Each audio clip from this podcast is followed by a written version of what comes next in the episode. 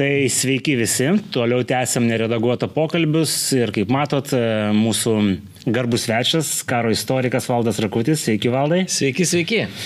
Ir Pakalbėsim tokią temą, kuri iš tikrųjų Liepos mėnesį turėjo jau anksčiau galbūt būti panarpliota, bet manau, kad prie jos prieisim galbūt netgi iš kitos pusės, kuri irgi pakankamai aktuali. Kalbu apie Liublino uniją ir daugumą patriotiškų žmonių tai traktuoja kaip tam tikrą Lietuvos istorijos fiasko, pabaigą. Kai giliau pasigilini į, į, į šitą datą ir kas vyko tiek prieš ją, tiek po jos, tai yra tam tikro dviejų valstybių suartėjimo, tam tikram konflikto, konflikto akivaizdoj pasiekmė. Galbūt, aišku, labiau to suartėjimo reikėjo viena iš valstybių, bet va, tai pasiaiškinsim su, su, su istoriku.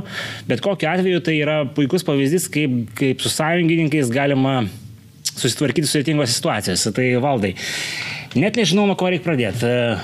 Gal pradėkime nuo šitos trivijos. Mat man vienas patrionas parašė, kad vaikystėje istorijos knygos nuo, nuo, nuo 1569 būdavo nebeįdomios, nes tai neva ne mūsų istorija.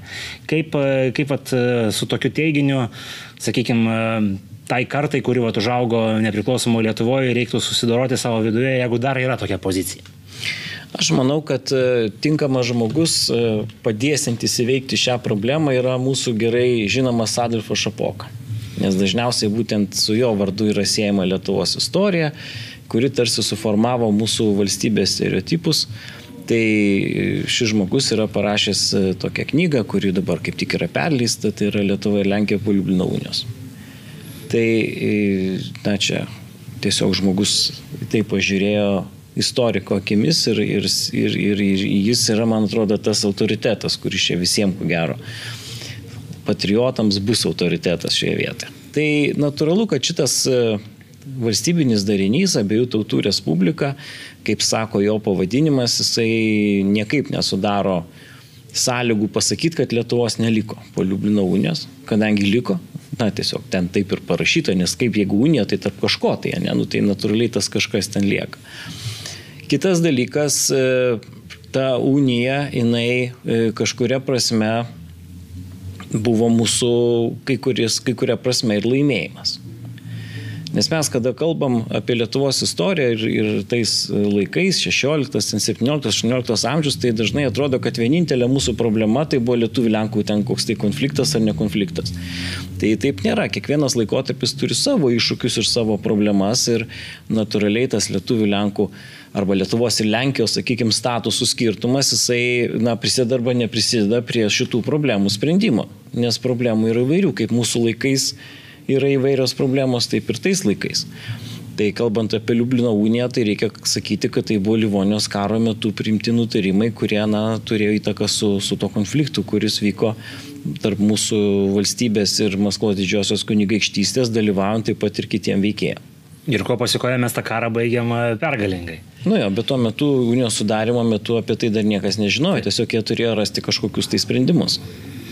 Tai kokia buvo ta situacija, nes galbūt daugumai tai yra tamsus, tamsus laikai, apie kuriuos maž, mažai žinoma, mes ten labai džiaugiamės tais mūšiais, kurie buvo 13-14 amžiui, bet mažiau tai, kas vyko. Koks buvo kontekstas, kodėl mums reikėjo tos unijos, kodėl mes negalėjom kaip LDK iškėlę galvas, žodžiu, gyvuoti toliau. Čia labai sudėtingas klausimas šiaip karas vyko ne tarp Lietuvos ir Maskvos, karas vyko iš tikrųjų dėl Livonijos. Taip jis ir vadinasi tas karas, Livonijos karas.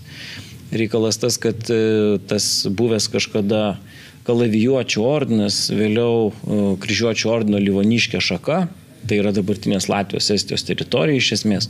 Šitas kraštas, jisai, na, prarado progą išlikti stiprus.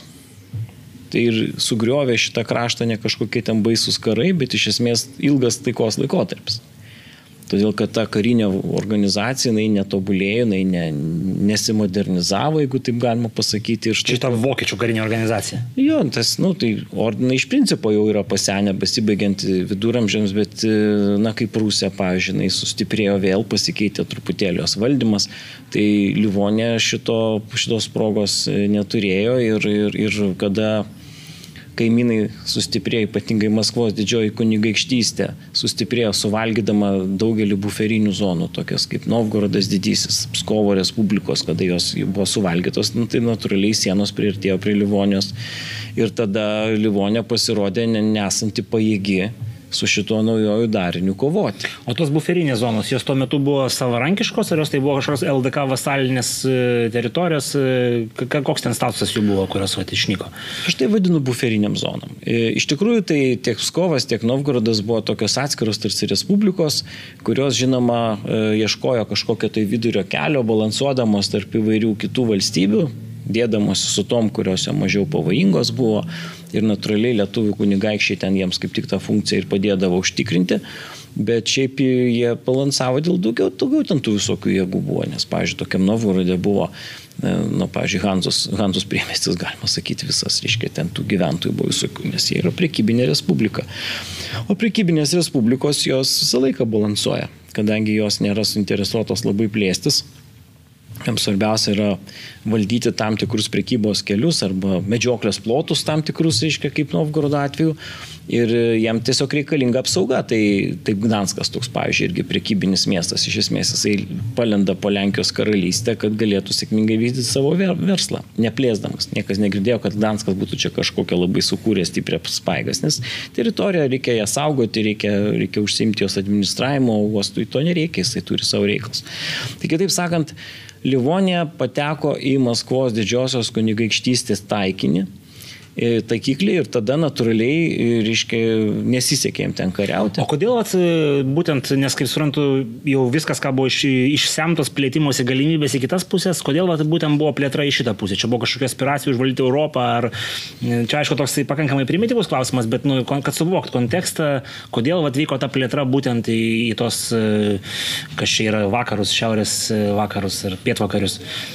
Nu, mato, čia plėtra į vakarus yra visada sudėtingesnė bet jinai duoda daug daugiau naudos negu plėtra į rytus. Bent jau kalbant apie 16 amžiaus aktualijas, todėl kad 16 amžiuje įsivysto žemės ūkis, e, nes vakarų Europai nebepsimoka auginti javus pas save, jiems daug geriau apsimoka importuoti juos, užkyla grūdų kainos ir natūraliai tada atsiranda tas, sakykime, na, pliusas ir minusas, kaip ant, ant baterijos elementų ir atsiranda prekybinė trauka ir natūraliai Baltijos jūra tampa labai svarbi ir kas kontroliuoja tos prekybos kelius, o ypatingai jeigu kas užtikrina didesnę dalį šito maršruto kontrolės, tai natūraliai tas kraštas jisai tampa ekonomiškai žymiai pajėgesnis.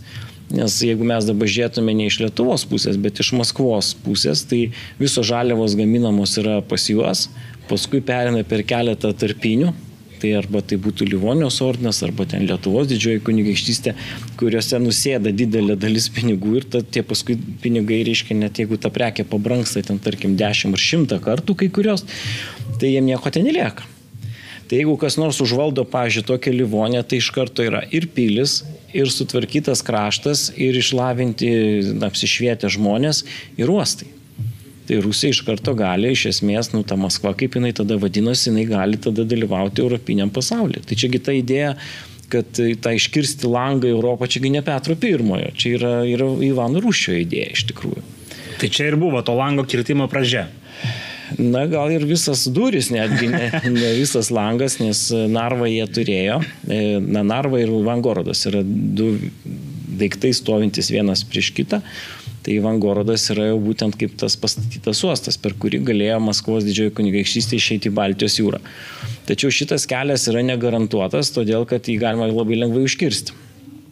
Tai turint platesnį prieimą, tas be, be jokios abejonės buvo labiau realu ir dėl to jie tą Livonę bandė suvalgyti. Tuo labiau, kad Ivanui Rušiajam pavyko įtikinti Vokiečių imperiją, kad čia gal jisai krikštysis, kad čia viskas kaip ir į naudą. Na, nu, žodžiu, tai, ką mes vadinam Nord Stream 2, tai kažkas panašaus ten jau irgi tuo metu mesgėsi ir, ir, ir popiežių pavyko įtikinti, kad čia ta Maskva gal perės greitai į vakarų pasaulį. Ir, ir, ir ten ir Herbersteino ir kitose, reiškia, raštuose jau buvo apie tai ten daug rašoma. Tai jiem pavyko, reiškia, bent neutralizuoti Vokietijos imperiją, kad jinai neremtų tos Livonijos. O kalbant apie, apie Hanzos miestus, nu, tai ten iš viso nu, neįmanomi dalykai. Reiškia, Hanzos miestai kai kurie pardavinėja rusam patrankas, maskvienam ir visokią kitokią karo medžiagą, su kurie paskui daužo Livonijos pilis.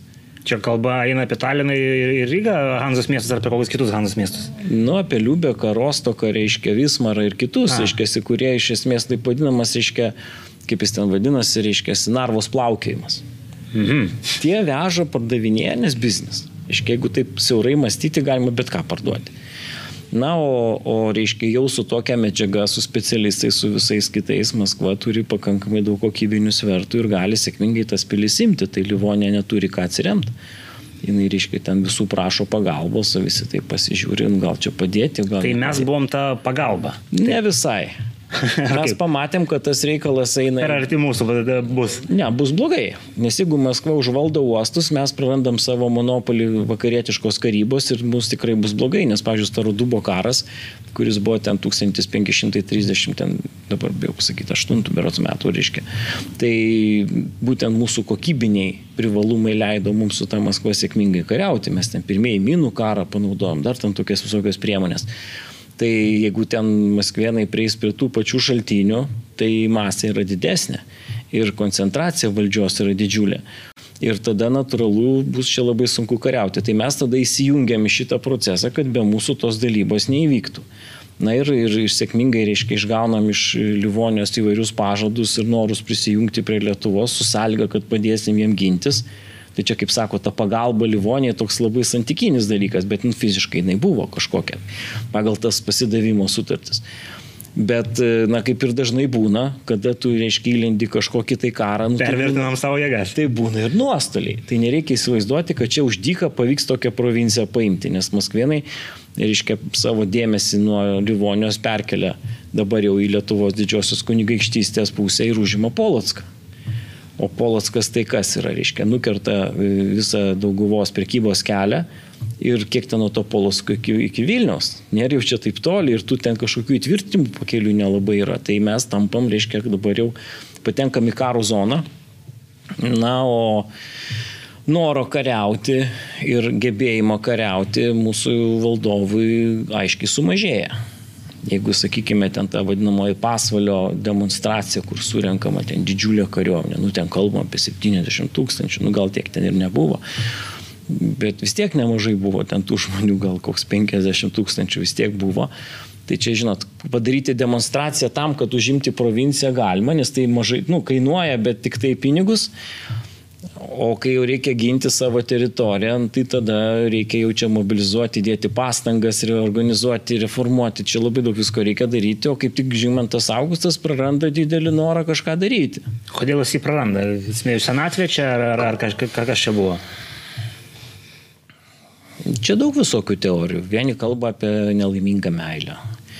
E, kitas dalykas, aš sakyčiau, gal e, tas jo auklėjimo tipas. Vis tik motina jo Bonas Forza buvo stiprus žmogus ir jinai tą, tą vaiką jinai paruošė, reiškia, gana stipriai kultūriškai ir visai kaip, bet charakterio tai nesuformuoja.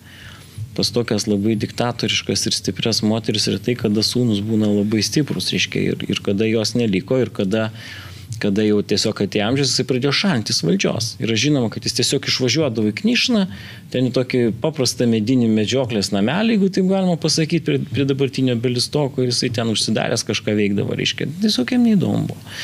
Tai va tas dalykas, jisai, tas ankstyvasis ir vėlyvasis žygimantas augustas, jie labai skiriasi. O čia reikėjo labai energingai veikti.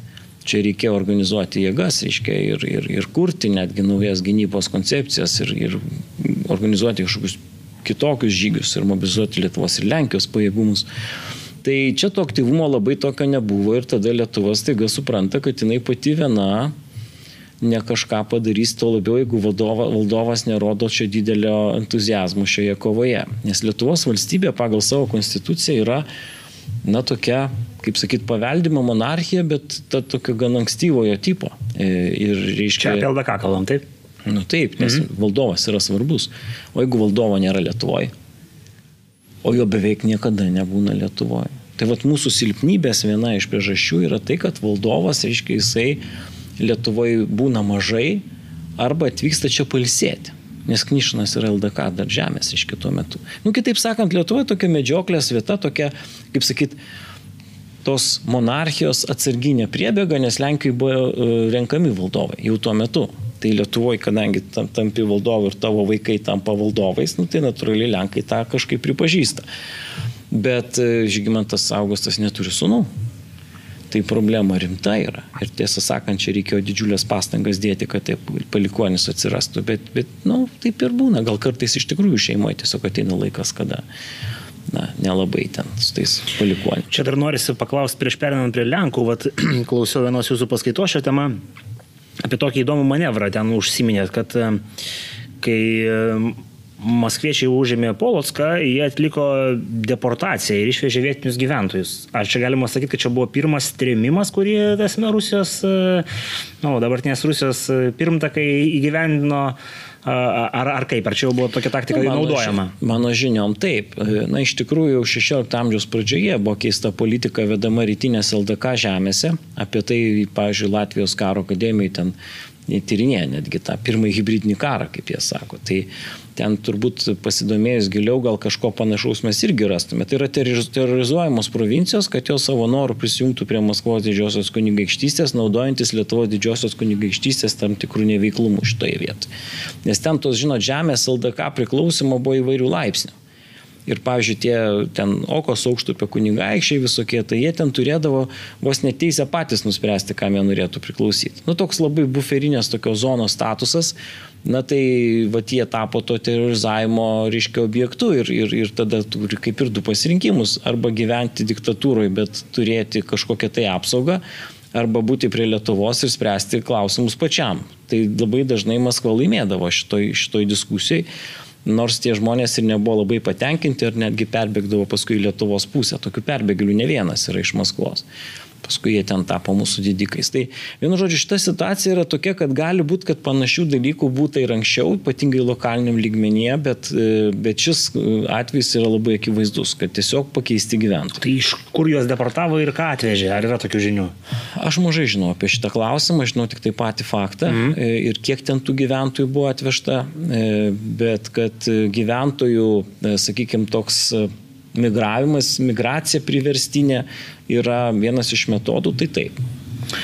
Gerai, tai Žodžiu, mūsų ponų taryba, kaip suprantu, susidūrė su tuo faktu, kad reikia eiti pas e, Lenkus e, ant kilimėlio. Kas kaip ten vyko tas procesas, e, nes, kaip suprantu, ne iš karto pavyko surasti tą bendrą junginio kažkokį formatą ir, ir Lenkai jau norėjo mus šiek tiek kitaip prijungti, o mūsiškiai kitų idėjų turėjo. Nu tai mato, nuo 1503 metų tas, ta diskusija visą laiką lieka to, tokia pati kaip Melniko unija 1503 mhm. metų, kada irgi buvo sunkus laikai, reiškia, ir kada lietuviai jau prašė Lenkų didesnį įsitraukimą iš tą reikalą, tai jiems pasakyta, nėra problemų, prisijungit prie mūsų ir čia viskas įspręs. Bet mesgi turėjome jau tam tikrus ryšius nuo anksčiau, nuo, nuo, nuo Krėvos.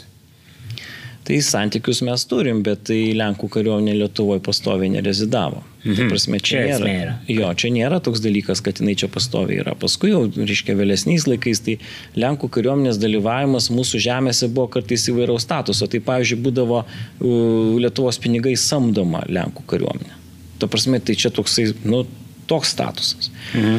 Bet kadangi jisai tapo ilgalaikiu reiškiniu, tai kiekviena pusė traktavo skirtingai šitą būseną. Lietuviai mane, kad tai yra Lietuvos kariuomenės samdiniai, o Lenkai sakė, kad čia principė yra broliškos valstybės pagalba. Jie buvo teisūs, kadangi pinigai, nors formaliai tarsi turėtų eiti iš Lietuvos, bet jie iš didžiojo kunigaikščio.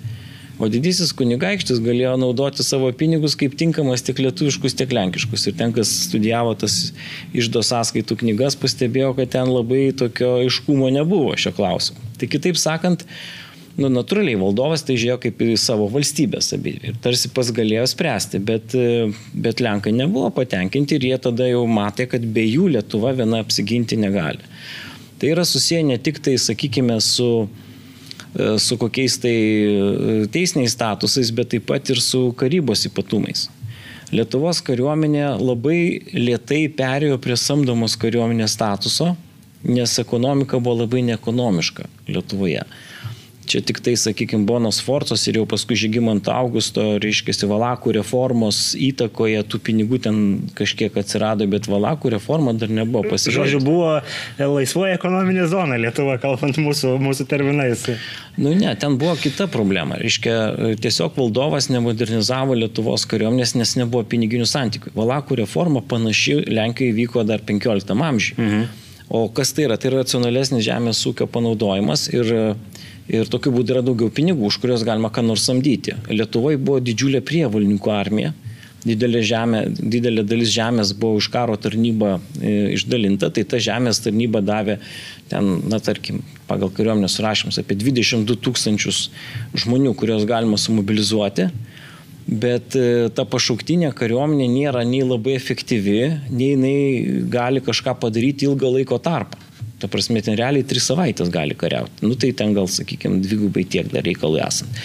Bet o kodėl būtent toks terminas, pagal ką čia po to jie turi grįžti namo? Ar... Nu, tai paprašyta, reiškia, A, įstatymiškai tai buvo. Įstatymiškai apibriešta, kad tai yra žemės tarnyba. Tiek turi. Nu, iš esmės, tų ten savaičių gal užtekdavo, reiškia, atremti kažkokiam tai smūgiui, nes karas negalėdavo labai ilgai trukti, nes kitos pusės irgi nebuvo super stiprios. Nereikia galvoti, kad Maskvienai gali ištisų metus kariauti. Nebuvo normalaus padavimo amunicijos. Tiesiog nėra maistą. sistemos, reiškia, nes, nes tam, kad, kad galima būtų išlaikyti kariuomenę, turi būti pastovus finansai. Kitaip negali būti. Reiškia, tie žmonės, nu kiek į savo vežimus gali įsikrauti. Nu, tai va čia biškai tiek nukrys paklausiu. Tai pas mus, sakot, buvo arhaiška palyginus su Lenkija. Bet tai, ta, ta sistema kaip tik keitimusi stadijoje buvo. Bet tai kokia sistema buvo su Maskvos pusėje? Ar jie turėjo kažkokią pažangesnę sistemą, ar ten tiesiog masė nugalėjo, kad tas kiekis žmonių santykis buvo gerokai kitas mūsų nenaudai? Buvo stiprių ir silpnųjų pusių. Maskvos kariuomenėje. Maskvos kariuomenė turėjo kokius privalumus. Jie įsiveda tos šaulių e, dalinius, tai šaulių daliniai yra tokie karo prievalininkai, kurie gyvena karinėmis gyvenvietėmis. Ir tie šauliai strilcai, taip vadinami, jie yra, nu taip išvystyti yra kaip tik, kaip tik tuo metu. Tai nėra labai gausi kariuomenė, bet jie gauna tam tikras žemės valdas be mokesčių su pareiga atlikti tarnybas, kas, kas nu, ten saugot vartus kažkokius ir panašiai, saugot valdovą. Ir reikalai esant, juos buvo galima panaudoti va tokiuose karinėse operacijose. Tai nebuvo labai gausi kariuomenės dalis, bet jinai galėjo kariauti ilgai iš esmės. O tai kas sudarė tą jų brandolį, jau tą e, masę kariuomenės? Didžiąją masę sudarė arba vadinamieji bajorų vaikai, mhm. dėti bajarskiai rusiškai vadinasi. Tai yra e, iš esmės e, tokie, nu, mūsų bajorus atitinkanti kategorija, e, bet be didelių laisvių, be jokių politinių laisvių, iš esmės tik karinė prievalė. Tai čia sudarydavo nemažą dalį jų kavalerijos. Nelabai efektyvi kariuomenė, mūsų kavalerijos lengvai triuškindavo. Ir taip pat įvairūs, reiškia, na, pėstininkai įvairaus tipo, sudaryti iš įvairių šaltinių. Ten e, jau čia tie šauliai, tai čia būtų pati stipriausia, bet dar būdavo tie posadų gyventojai, ten turėdavo pristatyti kažkiek, tai tai, tai sudarydavo nemažą skaičių jos, jų kariuomenės, bet jinai buvo labai prasta. Iškiek kiekybinė prasme kariuomenė nemaža, bet kokybinė prasme jie su mumis sunkiai galėdavo varžytis. Ypatingai nieko jie negalėjo prieš pastatyti prieš mūsų, e, reiškia, geresnis, stipresnius tos, e, nu, bajorų pašauktinės kariuomenės.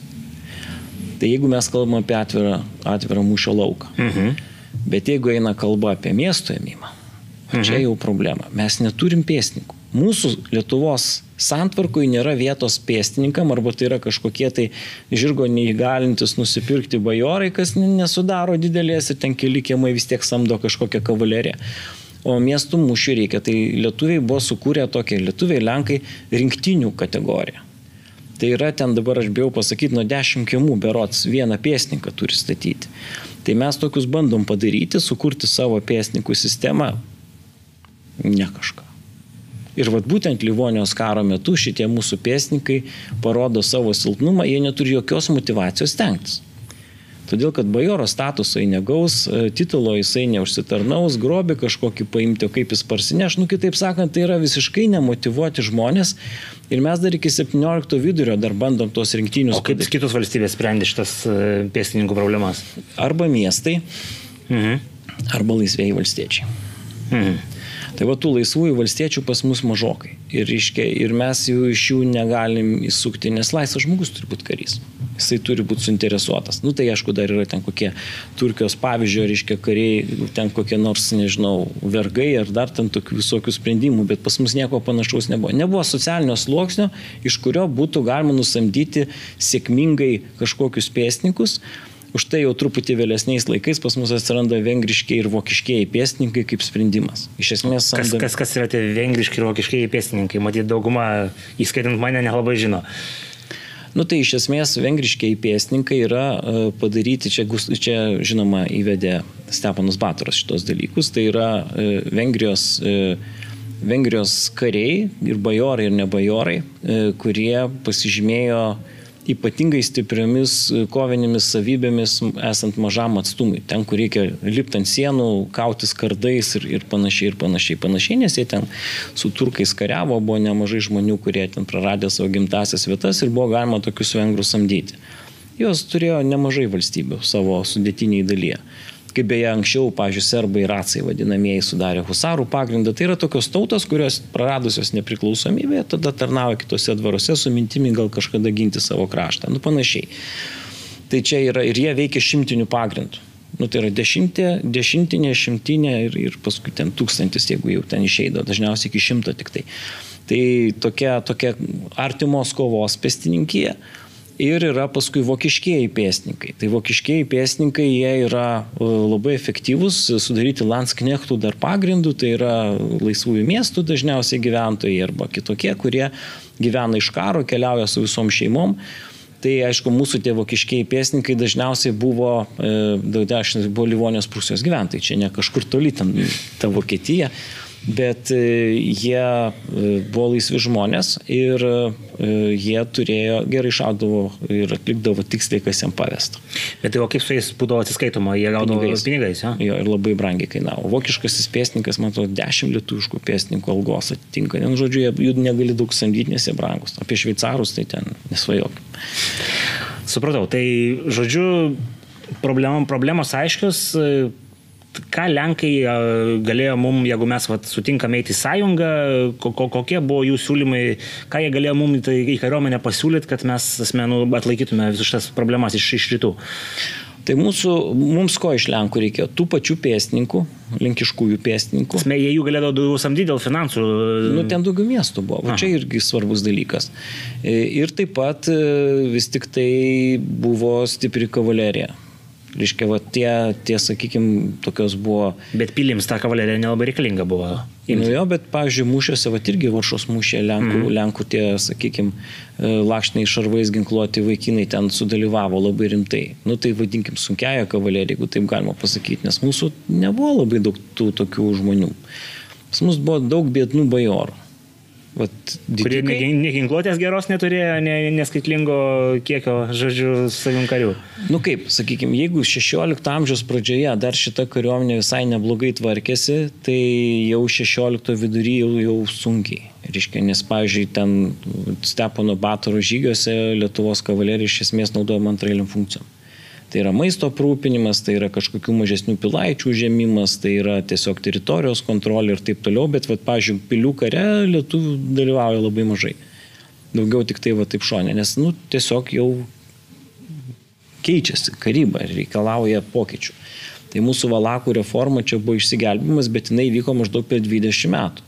Tai jeigu jos pradžia buvo kažkur tai apie 56 metus, nu tai apie 76 metus jinai davė rezultatą. Tai... O tai pavyzdžiui, taip turėjo Lenkijoje, kiek laiko vyko tokia reforma, kad jinai davė kitokių vaisių? Nu, maždaug šimtmečių anksčiau. Aha. Tai reiškia, jie turėjo jau tų pinigų daugiau, galėjo samdyti ir kada yra samdo sistema, tai atsiranda ir ne tik paklausa, bet ir pasiūla atsiranda žmonių, kurie gali būti samdomi. Tai yra ir rotmistrai garsesni, ir jų ten kariai kažkokie tai. Ir jie tada iš nuo vieno karo keliauja kitą. Tuo metu religiniai karai Europoje vyksta ir ten tikrai atsiranda kur, kur pakariauti. Reiškia. Tai va čia, tai, tai dar matyti reikia, kad tie samdiniai, sakykime, jie priklauso nuo to, kas vyksta Europoje. Jeigu vyksta intensyvus karas, tai jie pabranksta.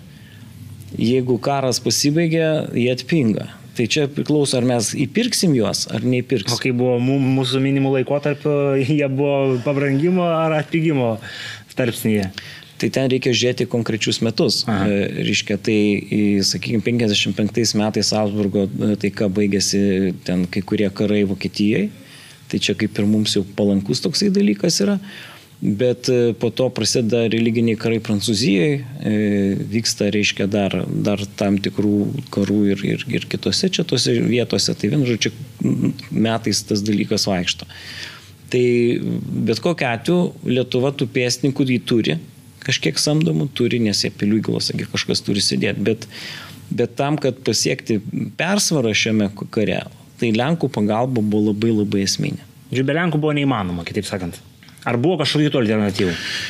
Aš manau, kad visada būtų alternatyvos, jeigu Lietuvos valdovas būtų labai rimtai tai žiūrėjęs. O čia sutampa du dalykai. Reiškia, iš vienos pusės reikia priimti svarbius sprendimus, bet pačia, pats valdovas tame mažai dalyvauja, nes jis yra Lenkija ir jisai kaip ir saugus. Suprantat, va čia ir yra toksai dalykas. Jeigu jūs paimtumėt, pavyzdžiui, čia toks negražus istorinis palyginimas, kiek inovacijų Lietuvoje atnešė Vytautas didysis ir įsivaizduokit, kad jis būtų nieko nepadaręs arba būtų daręs mažai. Nes Žygimantas Augustas savo e, tam valdymo pradžioje dar pradžioje su tėvu, o paskui ir atskirai, reiškia, atliko nemažai svarbių dalykų. Na, pavyzdžiui, atstatė daugumą Lietuvos pilių, aprūpino artileriją, aš skaičiau, tai yra apie 800 pabūklų nulėjo. Tai reiškia, jau nu, daug padaryta buvo, negali sakyti, kad ten jau mes visiškai stovėjom vienoje vietoje. Bet e, permain, tos permainos kaip nelabai spėjo su kylančiais pavojais ir, ir Maskva irgi vietoje nestovi, jinai irgi tobulėja, jinai keičia, modernizuoja, reiškia, tau pričinina, jinai sustiprino tą valdovą, vis tiek labai, nes ten anksčiau su ta bojarinų valdžia, tai ten, žinot, tais bojarinais, ten jam nepasakysi, kad tu turi stovėti toje vietoje, nes jisai galbūt irgi iš garbingos giminės ir ten visą laiką būdavo problemos. Tai jisai su apričino sistema sustiprino despotinę savo valdžią ir tokiu būdu, reiškia, gali labiau mobilizuoti savo tas paėgas, nors, nors prieš jį patį ten daug visokių pasikesinimų vyksta ir kiti dalykai. Tai, tai čia reikia matyti tą, tą viskas dinamiko ir tie, ir tie. Ir kada, reiškia, tokia dinamika, tai yra labai svarbu, kad valdovas būtų tas, kuris, kuris ir nori, ir gali. Tai šiuo atveju jisai gal ir galėjo, bet nenorėjo. Reiškia, ir va tas labai neigiamai atsiliepia. Ir tada yra kaip ir du variantai. Arba stipriai modernizuoti Lietuvos kariuomenę atliekant struktūrinius pokyčius, arba reiškia, nu, pabandant kažkaip tai Lenkus ten pasiūsti. Tai ilgą laiką būdavo su Lenkais sprendžiamas tas dalykas. Ir nors, tarkime, po šitos didelės nelaimės Lietuvoje labai pagreitėjo reformų judėjimas atvedęs prie antrojo statuto, Tai daug pakeitimų buvo padaryta tuo metu ir, ir pertvarkant valstybę, ir čia mūsų ponų taryba tikrai įsijuosus dirbo. Bet jeigu tam visam procesui būtų vadovavęs stiprus valdovas, tai galbūt ir buvo išeičių sustiprinti Lietuvos valstybę. Bet e, jau ilgą laiką, reiškia, tas centras gravitacijos vis tiek buvo Lenkija, ne Lietuva. Tai gerai, tai dabar, tai aišku, esminiais klausimas e, įvyksta unija, kokia mūsų situacija, ką mes laimim, ką pralaimim, tas, nusakim, taip lyginant e, struktūriškai, valstybiškai, kaip pakinta situacija. Nu, ką mes pralaimim? Mes pralaimim pusę teritorijos. Mes pralaimim Ukrainą. Paprastai išnekant, va ta Ukraina, na aišku, ne ta kokia dabar, bet tokia labiau vakarinė jos šiandien dinė dalis su, su Lūtsku, su, su Kijevu, su visais šitais, tai mes ją prarandam. Tai nėra šiokios šiaip savo žemės, kažkokios pakraščių. Tai yra labai turtingos žemės, dėl kurių paskui kariaus labai daug įvairių valstybių įvairiais laikais.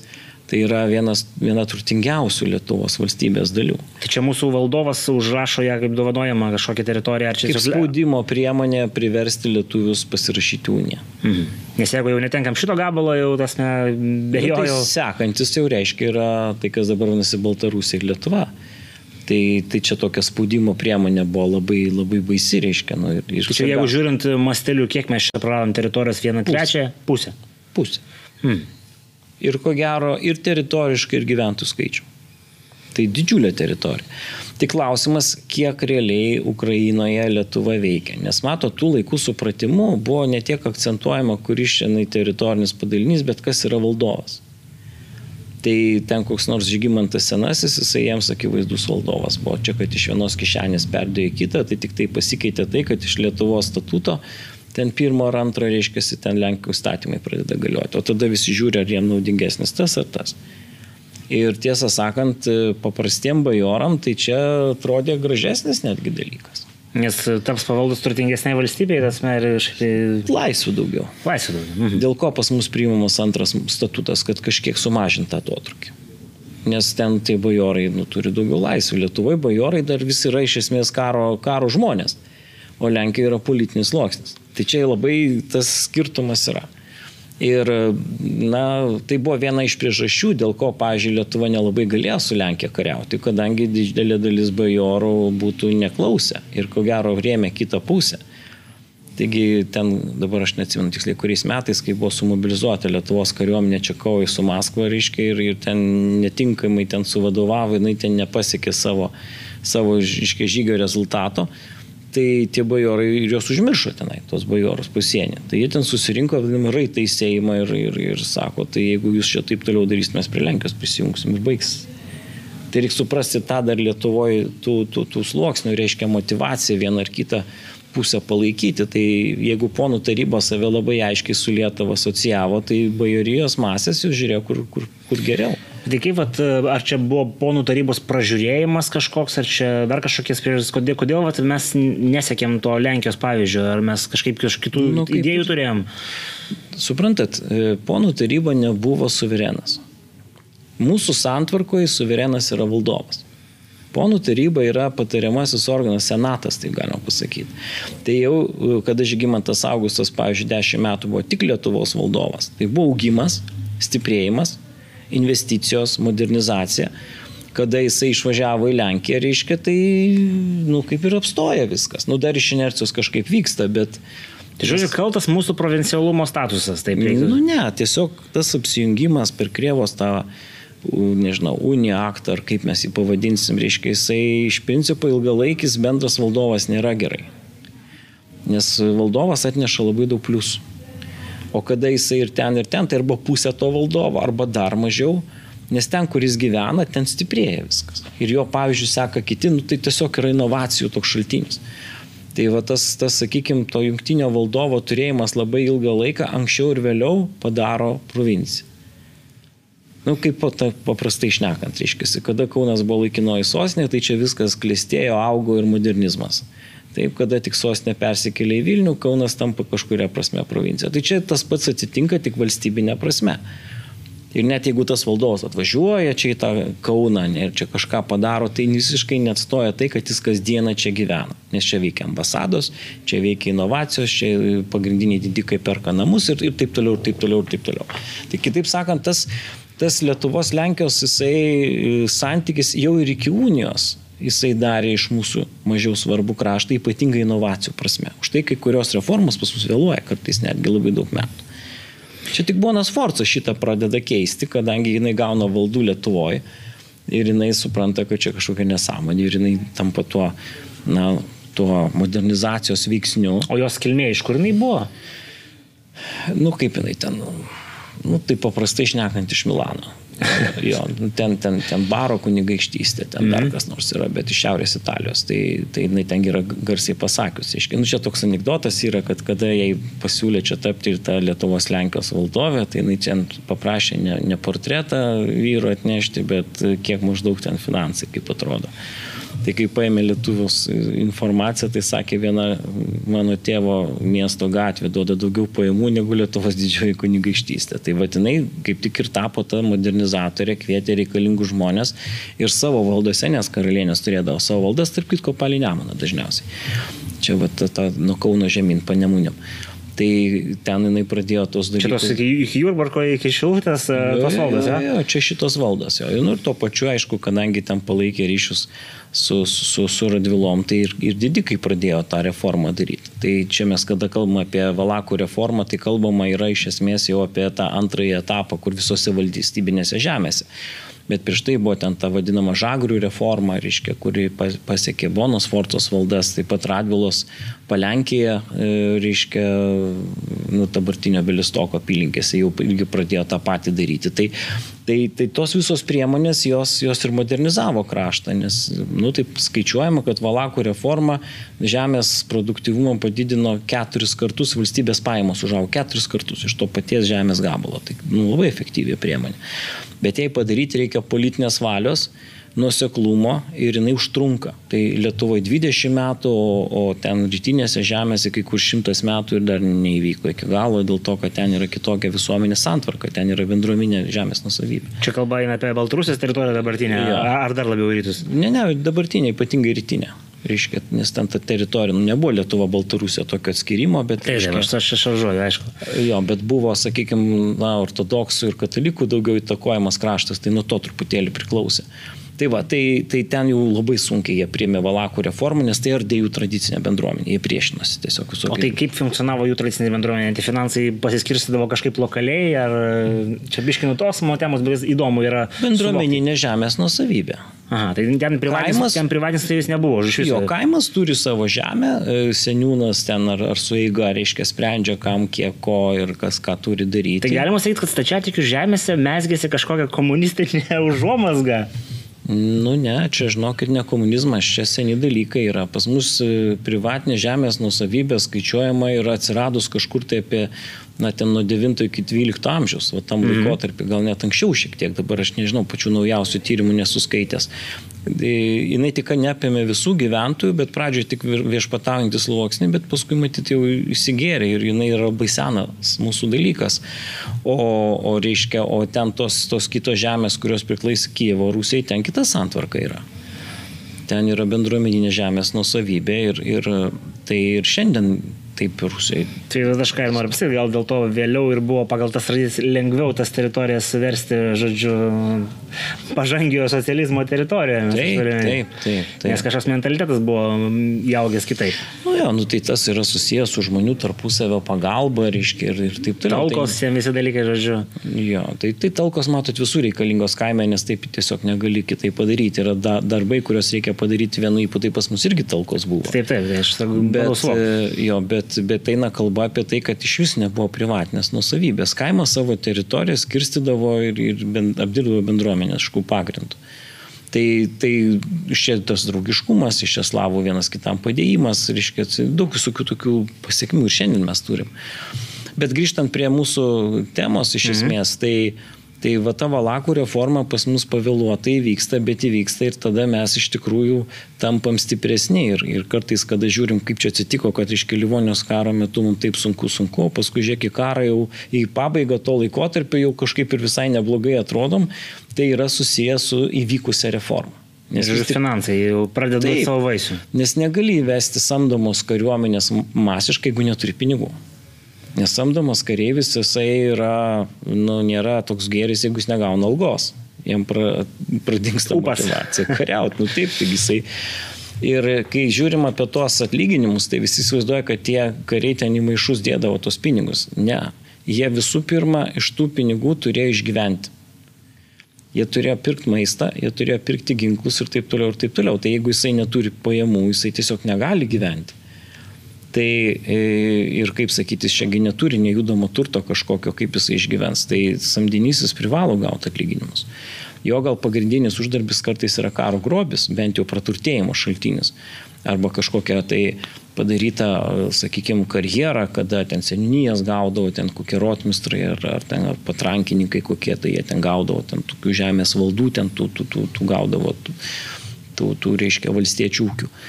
Tai čia gal buvo pagrindinis jo. Bet šiaip tie atlyginimai nėra dideli. Jie yra reikalingi tam, kad žmogus tiesiog galėtų išgyventi. Ten gal kokio vokiško pėstininko tai nu, adekvačiai jo, jo padėčiai, bet visi kiti tai ten labai mažai uždirbdavo. Tai dar prie tų minusų, vat, kadangi visai kai įdomu yra minusai, nu, prarandam pusę teritorijos. Kas, kas dar po Liublino unijos tokio, žodžiu, iš mūsų valstybingumo persikėlė, sakim taip, Lenkijos priežiūron ar kaip nors kitaip pavadinkim atskiras valdovo pakelimas. Jeigu seniau, reiškia, na, ten, kas nors tapdavo vis tiek Lietuvos didžioji kunigaikščio, ne Lenkijos mhm. karalium, tai būdavo atskiras valdovo pakelimas Vilniuje. Ceremonija visai šventinimo. Pas mus paveldėjimo keliu, kartais būdavo Lietuvoje anksčiau negu Lenkijoje, bet, reiškia, nu tai įsivaizduokit, Vilnių iškilmės. Valdovo karūnavimas, ne, nu, tai simboliai, reiškia, ten didžiojo kunigaikščio kepurė, kalavijas, ten, nu, Tai šitas visas dinksta. Tas persikėlė į Krokovą. Persikėlė į Krokovą. Mhm. Tai čia yra labai akivaizdus valstybingumo toksai sumažėjimas. Kitas dalykas, ko, ko mes netenkam, tai netenkam, turėjom netekti savųjų pinigų. Mhm. Realiai išlaiko Lietuva savo pinigus, bet čia prieš Liublino unijos nutarimus. Nes trečiasis statutas, kas yra įdomu, reiškia, revizuoja Liublino uniją. Realiai yra punktų, kur kitaip parašyta, o statutas galiojantis buvo. Tai ten pastoviai būdavo dėl to nesusitarimas, nes pinigų kursas skiriasi. Lietuviški stipresni pinigai už lenkiškus. Kaip čia taip galėjo būti, kai pati ekonomika silpnesnė, o pinigas stipresnis? Nu, negaliu aš dabar tai pasakyti, čia reiktų finansų istoriko, bet, mm. bet faktas tas, kad, kad tai buvo, reiškia, ir ilgą laiką lietuviški pinigai nebuvo prilyginti prie to paties, reiškia, vieneto kaip Lenkijos. Nes šiaip skiriasi mūsų piniginį vienetą, mes skaičiuodavom, reiškia, kapomis grašių, mhm. nu, tai 60 grašių yra. Lenkai skaičiuoja auksinų, vienas auksinas 30 grašių. Bet patys grašiai skiriasi šiek tiek. Tai, tai nu, čia su matų sistema šiek tiek mhm. susiję. Tai, e, tai va, tai, tai čia tokie dalykai liko dar ilgą laiką. Paskutiniai lietuviški pinigai kalinti 18 pradžioje, man atrodo, ten per Šiaurės karą. Tai, tai va, bet, e, bet gal ne, esmė ne tame yra, e, kad čia dar kažko mes netekom. Nu, natūraliai Lenkija karalystė mes didžioji kunigaikštystė. Tai iš karto rodo rangų neligybę. Tai aišku, valdovas gyvens daugiau Lenkijoje negu Lietuvoje. Tiesa, sostinė persikėlė į Varšuvą. Ne iš karto, bet po kelių metų, kad būtų arčiau visiems suvažiuoti. Tai tam tikra prasme Varšuva yra Lietuvos sostinė. Tam tikras mes pakenkėm Krokuvai savo. Nes karūnacija vyksta Krokuvai, senų pagrindų, o gyvenimas vyksta Varšuvai. Reiškia, tai nes nepakenkėm, mes iškėlėm Varšuvą. Dažnai aš turiu Krokovą, sumen, sumenko Krokovos taps pačioje. Na, kažkiek sumenko, kažkiek ne, bet, reiškia, bet, bet vis tiek čia toks tarpinis sprendimas. Tiesa, paskui Lietuvos sostinės funkcijas kai kurias perima Gardinas dėl tos pačios priežasties. Seimų miestas yra Gardinas, ne Vilnius. Čia iš mūsų kaimynų, iš šitų e, aspiracijos į istorijos e, visavinimas. Ne, matys. tiesiog tai yra Lietuvos viena iš sostinių, kaip sakiau, kuri ne iki mhm. galo yra sostinė. Kaip Varšuva tokia pusiau Lietuvos sostinė, taip ir Gardinas. Bet apie tai kažkada filmą norėjom statyti, apie tas tokias ne visai sostinės.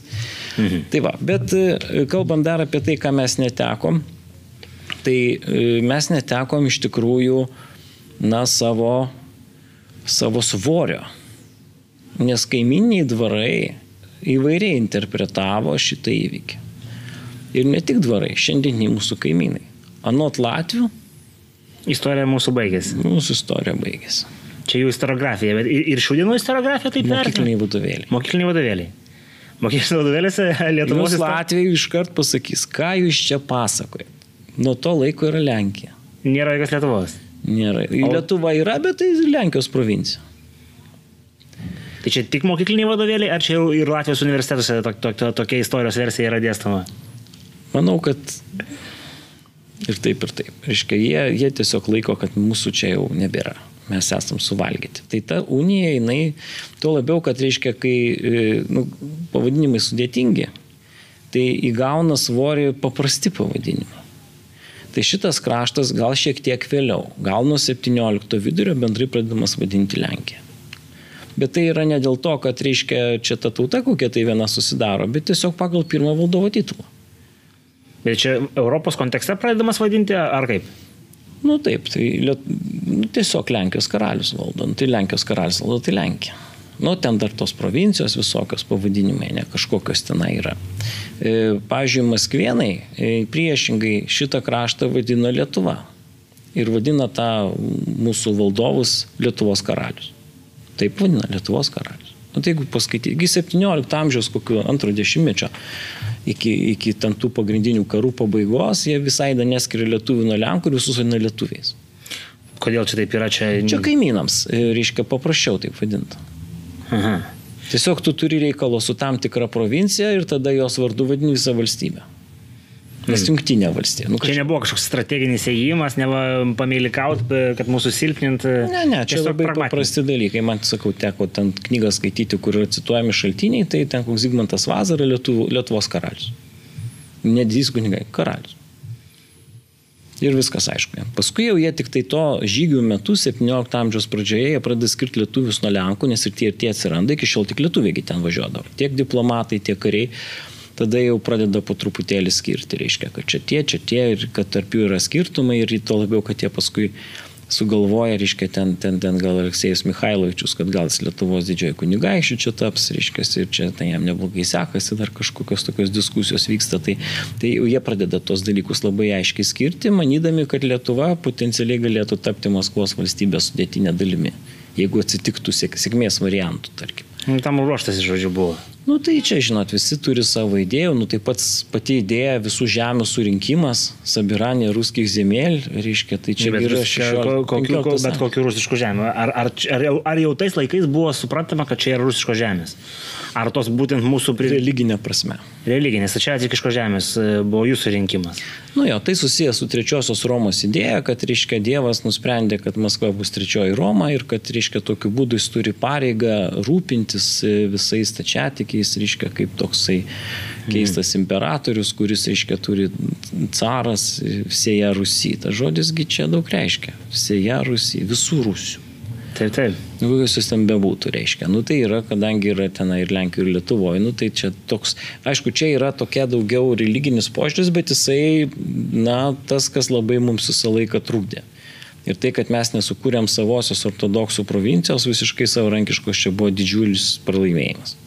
O tokių aspiracijų buvo, ar bent jau kažkokių planų? amžiuje. Taip, Algirdas tengiasi, Vytauto laikais buvo, reiškia, bandymai tai padaryti, bet nelabai sekėsi.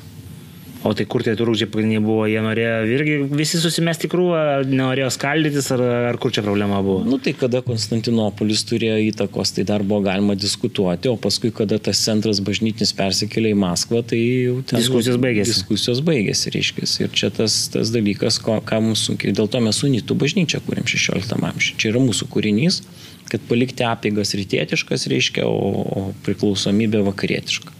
Tai čia yra mūsų kūrinys ir kaip tik čia va 16 amžiaus pabaiga 1598, 96 ir, ir atsiranda ta brasto sūnė, kuri reiškia kaip ir sprendžia šitą problemą, nes priešingų atveju labai sunku kovoti.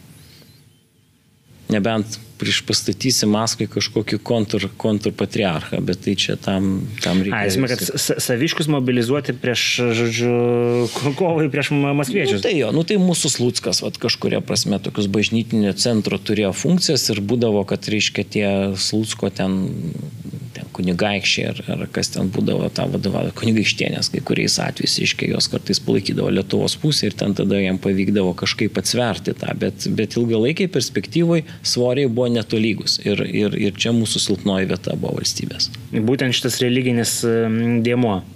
Taip, už tai, kad yra skiriami, reiškia, bažnytiniai hierarchai, ir jie palaiko vieną arba kitą pusę, o tais laikais bažnytinis palaikymas labai daug reiškia. Jūs įsivaizduokit, jeigu nebūtų visos spaudos, visos valstybinės televizijos ir viskas vyktų iš esmės per bažnyčios sakyklas. Taip, ir, ir, tu, ir tu dalies sakyklų neturi, žodžiu, savo, jo. savo kontrolėje. Na, arba turi iš dalies, reiškia, ten. Kaip nuo nuotaikos priklauso? Nu gal ne nuo nuotaikos, nuo konkrečių hierarchų pozicijos, reiškia, todėl, kad tie hierarchai nenorėdavo patekti į Maskvą, nes Maskvos patriarchai nebuvo savarankiški arba mažai savarankiški, reiškia, jų santykis su pasaulietinė valdžia buvo žymiai labiau hierarchinis negu, pavyzdžiui, Lietuvos didžioji kunigaikštystė, kur iš tikrųjų bažnyčia buvo na, atskira organizacija, susijus dar plus su Roma, reiškia. O pas juos taigi to nėra Romos dedamosios, tai dėl to ten yra truputėlį kitaip ir, ir dėl to ta bažnyčios ir valstybės santykis Maskvoje yra truputėlį kitoks iš abiejų pusių, tarkim. Vadinasi, ir šių dienų e, e Rustusis Ivanas e, išlaiko tą istorinę tradiciją. Tarp kitko labai remia stačiatikių bažnyčią. Ko nepasakysi turbūt apie mūsų šios dienos Lietuvą. Dar vat, vienas dalykas, kurį vat, irgi norėtų užkabinti, šiek tiek galbūt į pabaigą einant mūsų šitam epizodui, irgi va, toje paskaitoje, kurią minėjau, girdėjau jūsų žodžiu, būtent šitą temą Liublino buvo, buvo tokia mintis, kad Livonijos karo metu, va, dėl ko realiai ir ta unija atsirado, mes gavom pakankamai nemažą desantą, pavadinkim taip, žmonių, kurie sustiprino LDK ir, ir tas bendras valstybės, sakykime, bajorų, ten kilmingųjų luomą kas ten tokie atsikėlė iš, iš tos Livonijos, kurie vat, nu, tapo nu, naujai lietuvai, pavadinkim juos taip. Nu tai yra tas... E, tos įdomios giminės, aš čia šiek tiek užvedu jas ant kelio, žodžiu, kurios į, į, įsikėlė į Lietuvą. Nu taip, tai čia yra toj, vadinkime, teritorija tarp Kauno ir Panevežio, mhm. reiškia, atsikėlusios e, giminės, kurios turėjo sustiprinti vakarų, vakarų sienas. Jos, jų atvažiavimas yra ištirta šiuo metu, bet, bet aš ten dar tais tyrimais nesu iki gal susipažinęs. Iš tikrųjų, jų čia atsiranda. Ir čia, tai, jeigu dar užbėgant, aš žiūrėjau, kiek čia tų giminių, kad įsivaizduot, nu atsiranda čia vienetai, dešimtai, šimtai. Aš manau, keliasdešimt. Mhm ir jos, jos čia įleidžia savo šaknis, jos iš tikrųjų gana greitai praranda savo tokį išimtin, išskirtinumą. Kitaip sakant, lituanizuojasi, ar kaip čia pasakyti, reiškia įsilieja į bendrą tą gyvenimą, e, bet e, padaro įtaką irgi tam regionui. Jis yra tiesiog kitoks ir, ir reiškia, jos susijusios su, su, su valdančiaja dinastija. Bet e, čia gal tas sustiprėjimas toks labai santykinis. E, realiai Lietuvos didžiosios kunigaikštystės, ko gero, vienintelis rimtas pliusas per Liublino uniją, kad mes praradom rytų problemas. Nes Ukraina buvo didžiausia gynybos reikalavęs regionas, nu, tas kraštas, ką mes dabar vadinam Ukraina. Nes, Nes jo ten gviešiasi. Totoriai. Čia mhm. totorių puldinėjimo zona buvo, O, reiškia, vėlesniais laikais čia tas kazokų karų toksai efektas, kuris, na, iš tikrųjų ir paskandino, galima sakyti, abiejų tautų respubliką arba prisidėjo prie jos paskandinimo. Nors aš manau, kad jeigu būtų lietuviai valdę e, ir Lietuvos valstybė būtų valdžiusi tas žemės, nebūtų ko gero prie iki tokių kraštutinių dalykų, kaip ten iš tikrųjų įvyko. Nors tie žmonės, kurie gyvena Ukrainai, nepasikeitė. Tai tos pačios giminės jos ir liko gyventi Ukrainoje tai tie patys Višneveckiai, tenai ir, ir, ir nu, daug kitų giminių. Čertoriskiai, ten kitos giminės. Tai ir kunigaikštiškos, ir, ir, ir bajoriškos, didikų iš tikrųjų giminės, nes ten dominavo stambi žemėvalda. Nes smulkus. Nu, jie buvo tų laikų magnatai. Jo, jie magnatai. Jie buvo specialiai taip daromi už tai, kad jie galėtų savo pajėgomis būti pajėgus apsiginti nuo totorių ir kitokių tenai pasieniečių puldinėjimų. Tai dėl to jie turėjo turėti savo ir privačias tvirtovės, ir, ir, ir kariuomenės. Tai, tai Lenkai juos šiek tiek patrumpino, taip suprasti reikėtų. Ne, Lenkai jų nepatrumpino. Priešingai reiškia, e, kada e, tas kraštas kažkiek tai e, pacifikavosi dėl, dėl totorių puldinėjimo tokio mažesnio, tai tie vietiniai didikai nusprendė sustiprinti savo paėgą didindami baudžiauninkų skaičių. Ir tuos, mhm. reiškia, kazokus, kurie yra, na, toksai gaivalas, reiškia, laisvas nuo bet ko aišku, nesidžiaugia tokių pasikeitimų ir dėl to vyko tas pasipriešimas, tiesiog interesų konfliktas. Ir e, jisai buvo žiūrima į kaip į maištą. Ir, ir, ir tas, tiesą sakant, neįsisprendė tos problemos iki pat galo. Ir, ir taip tas kraštas paskui nu, nukeliavo, reiškia, į Maskvos įtaką arba dalis to krašto, gal taip reiktų sakyti. Kitaip sakant, tas, e, tai, bet tas kalbėjimas, aš nežinau, aš manau, kad e, jeigu būtų Lietuvos valstybė toliau laikiusis, o ne Lenkija, būtų galbūt ir sėkmingiau sprendžiamas. Mes būtume labiau diplomatiški ar mažiau tasme, despotiški, ką jūs čia to turite menį? Aš manau, kad čia tolerancijų reikalas, čia kultūrinė tolerancija yra.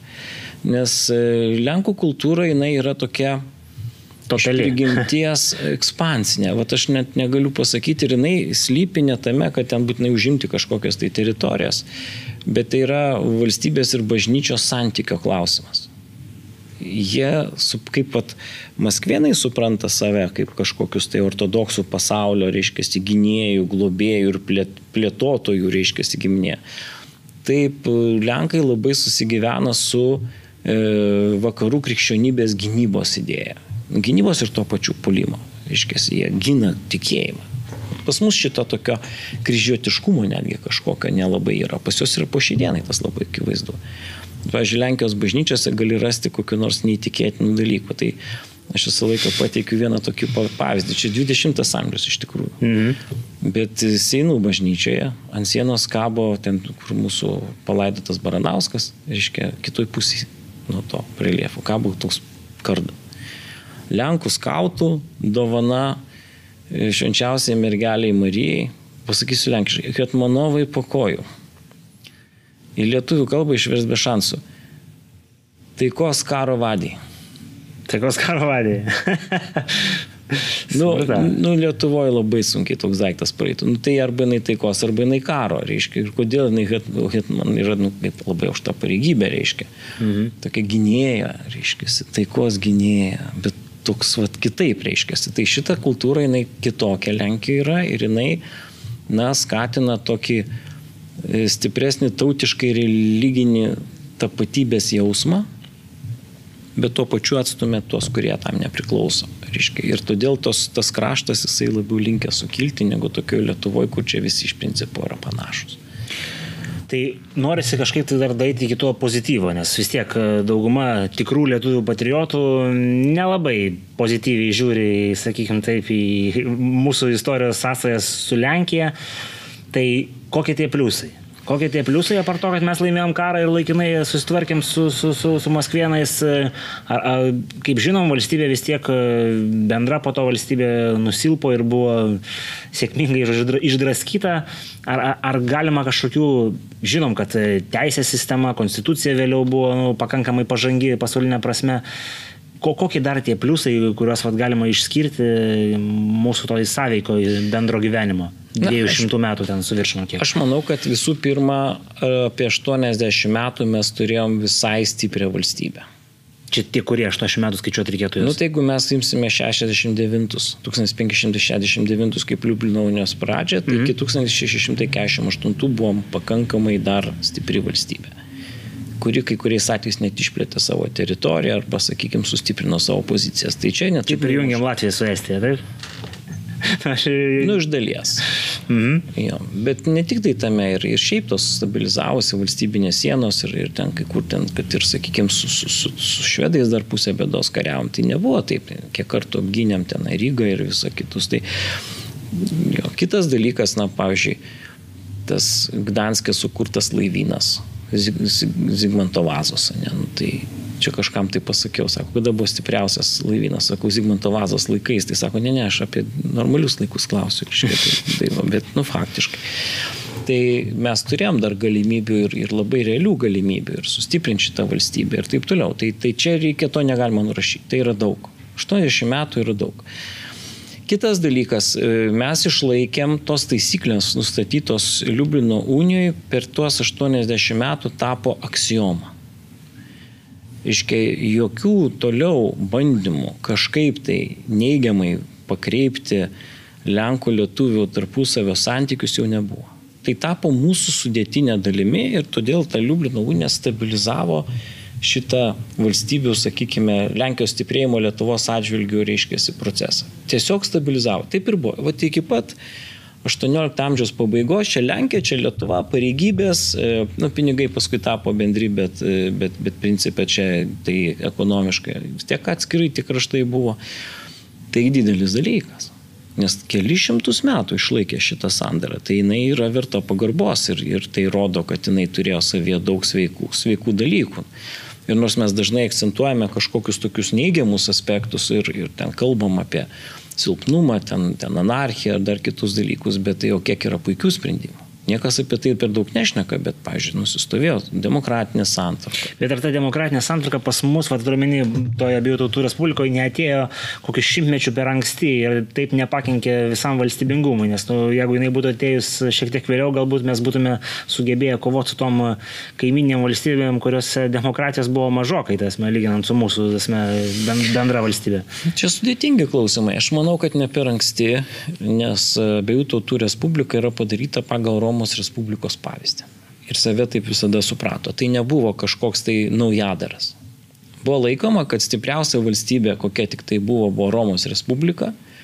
Ne imperija, o Respublika, kad tai yra sveika, natūrali ir pati geriausia santvarka ir mes kaip ta, ten, teisėti rumėnų palikonis, lietuviai taip kalbėdavo, ten lenkai gal tiesiog iš principo reiškia kaip antikos didelį gerbėjai, tiesiog laikėm, kad šita santvarka yra ideali ir geriau niekas nėra nieko padaręs. Ir todėl mes ją labai orientavomės. Tai negali sakyti, kad čia per vėlai. Per anksti, aš turiu menį, nes, nu, tarkim, kokioje Prancūzijoje atėjo, esmė, galbūt jau buvo pažangesnė ta konstitucija, bet iki to jie nebuvo tokie demokratiški. Nu kaip, čia žinokit, gal nereikėtų suplakti kelių laikotarpių, nes e, iki Liudviko XIV prancūzai turėjo generalinius luomus, labai panašią santvarką, reiškia, ir, ir ta tokia luominė monarchija, kaip jinai yra vadinama, jinai mhm. buvo pakankamai pažangi santvarka. Ir čia nieko blogo nėra. Aš netgi, pažiūrėjau, liberum veto niekas ne, nepiknaudžiavo tais laikais. Nors teoriškai buvo tokia nuostata įrašyta, bet jinai daugiau reiškia tam tikras mažumos teisės išsakyti savo nuomonę, tai ką mes dabar savo Seime turim, nes, sakykime, ten opozicinės frakcijos turi daug visokių tokių teisių įrašyti, mhm. ten tai, tai formuoja darbo atvarkę, tai, tai turi teisę ten kreiptis, ten gali kokie užsienio pasintiniai susitikti su opozicijos atstovais, nu ir taip toliau, ir taip toliau. Tai čia yra tie mažumos teisės, tai čia yra liberum veto esmė. Ne, kad vienas žmogus gali nutraukti Seimą. Tas atsirado tik tai na, 17 amžiai. O šiaip iš principo santvarka yra visai nebloga, atitiko to metų visuomenės sandarą. Vadidikai tai senatas, mm. o mhm. jau bajorai turi savo, reiškia, tos na, pasiuntinių rūmus ar atstovų rūmus, kaip čia juos pavadinsi. Ir ta santvarka yra, nėra bloga. Problema yra didžiausia, mano supratimu, monarchijos apibrėžime. Valdovas turėjo per mažai teisių. Va čia yra didžiausia problema. Vykdomoji valdžia nebuvo šitoj valstybėje efektyvi. Ir, e, nes jeigu valdovas, sakykime, turėtų savo rankose vykdomąją valdžią ir, kadangi, ir jeigu būtų paveldima ta valdžia, tai jinai natūraliai valdovas sustiprintų savo valdžią. Bet bairė labai bijojo absoliutinio, taip sakant, diktatūros bijojo, tiesiai vardinkim, despotijos bijojo.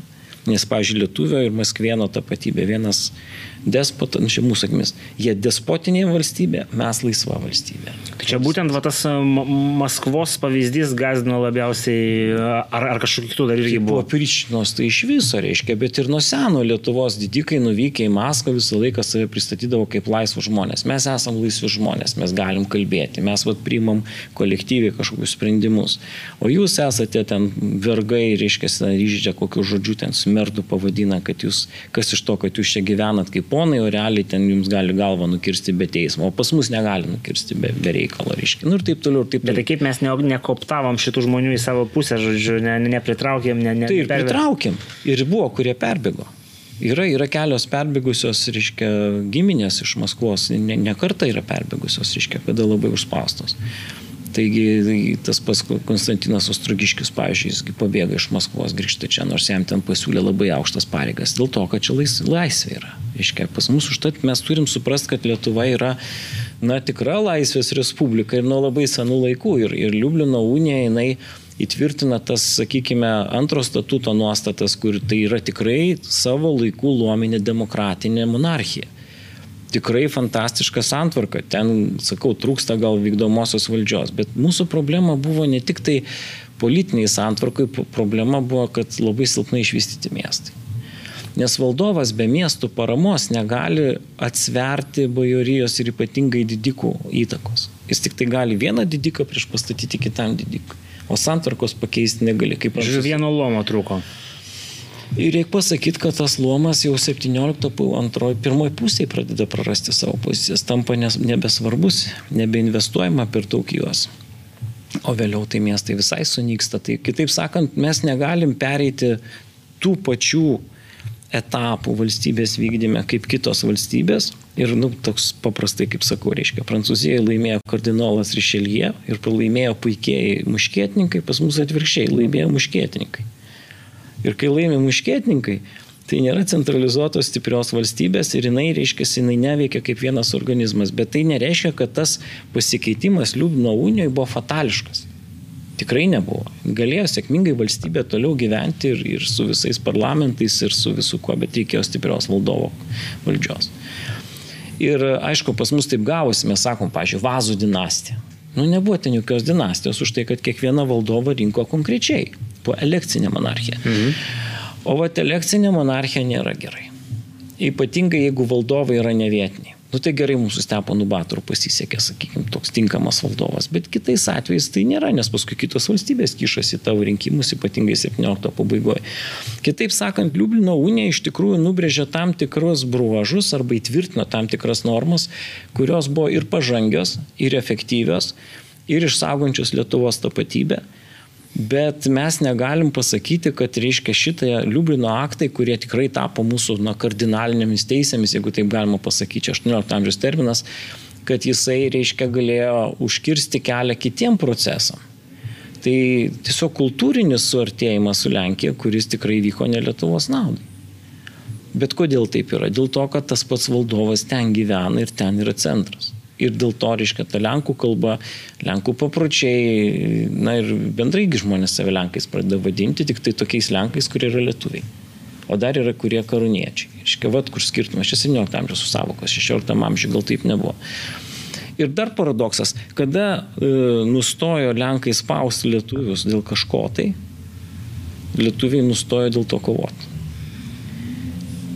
Tiesiog nebebuvo diskusijų klausimas Lietuva-Lenkija. Tai buvo nusistovėjusi tvarka, reiškia, ir, čia tie, čia ne, viskas. Tai, kol spaudė, tuo lietuvybės klausimas buvo taip, kaip nu, jie suprato tuo metu. Bet kur pavojus, kada šio laikiniam žmogui sakai lietuvybės klausimus, tai jie galvoja, kad čia kalbos klausimas. Taip, taip. Kalbos klausimų nebuvo. E, todėl... Buvo daugia kalbė valstybė, tai esmė. Ir daugia kalbė, ir, pavyzdžiui, Lietuvos bajorija save labai aiškiai tapatino su latiniška kultūra. Štai yra daugybė parašyta kultūrinių na, knygų ir, ir poemų ir kitų lotynų kalba, nes buvo laikoma, kad čia tikroji lietuvių kalba ir yra lotynų. Nes jeigu lietuviai kilė iš romėnų, tai reikia grįžti prie protėvių kalbos. Suprantat, va čia yra toksai dalykas. Ir jeigu mes tą latinišką Lietuvos kultūrą eliminuojam ir sakom, kad, nu, jinai čia kažkokia neaiški, tai mes nesuprantam tų žmonių. Tai ta romėniška kultūra buvo mūsų rezistencijos forma, kultūrinės rezistencijos forma, reiškia, nes mes laikėm, kad mes kilį iš romėnų, atskira gentis ir čia va tai yra lenkai tokie slavai, o čia mes esam romėnai. Tai va, žinot, dabartiniam žmogui išaiškinti tokius dalykus, nu tai reikia taip pakeliauti truputį dviračiais jo, nes, nes tai yra sunku, bet aš labai rekomenduočiau, reiškia, tiem, na, žiūrovam ir, ir klausytojam, kurie labiau to domisi pasidomėti lietuvių rumėniškąją kultūrą ir tada pamatys didžiulius klodus, ko net neįtarė. Tai yra tikrieji Lietuvos, na, elito, jeigu taip galima sakyti, bandymai atsispirti tai, reiškia, kažkokiai tai kultūriniai hegemonijai, kurie iš Lenkijos. Ir tiesą sakant, Lenkų kalba 17 pabaigos, 18 iki vidurio dar ir pabaigoje, tai nėra Lenkų kalba, yra Lenkų lotynų mišinys, kuriame pradeda dominuoti Lenkų kalba, bet ta prasme lotiniški interpai visada buvo svarbus. Nes Šitai abiejų tautų respublikai, pavyzdžiui, buvo Romos respublika. Tai irgi, kad čia betrauksiu, esu girdėjęs iš vieno Lietuvos Lenko, kad e, netgi dialektas yra lotynų kalbos kažkoks lenkiškas dialektas, ar kaip šį pavadinti, ar, ar, ar toks dalykas yra? Na, nu, tai egzistuoja naujų laikų lotynų kalba, jinai irgi kinta, nes jinai yra gyva kalba jie galima kalbėti, ginamos disertacijos, jame rašomi raštai. Ta prasme, Lietuvos bajorai mokėjo, Lietuvos ir Lenkijos mokėjo lotynų kalbą privalomai. Tai yra dėl to jie mokindavosi, reiškia, kolegijose šitą kalbą, nes Teponas Bataras neturėjo vargo susišnekėti, nes jis nemokėjo lenkų, lenkų kalbos, jisai susišnekėdavo similotiniškai ir visi suprasdavo.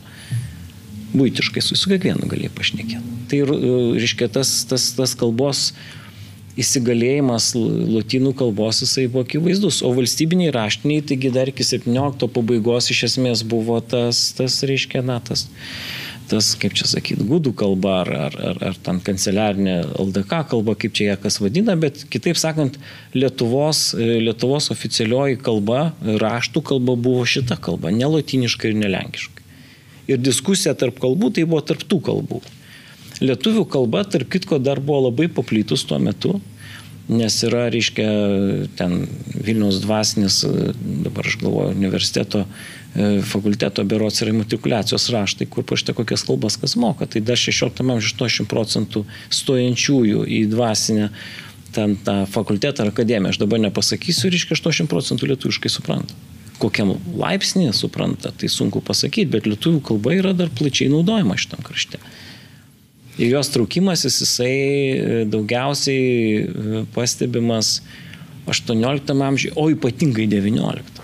Iki to laiko dar, dar čia jokios priešpriešos nebuvo. Bet čia ta lietuvių kalba, kurią mes kalbam ten apie, nežinau, 16 amžius, tai šio laikinis lietuvis ją suprastų, ar kaip čia reikėtų ją vertinti. Aišku, tokių matyti duomenų tiksliai nėra, bet, nu, nes nėra rašytinių šaltinių. Tai mažytas yra išėjęs iš didžiosios Lietuvos.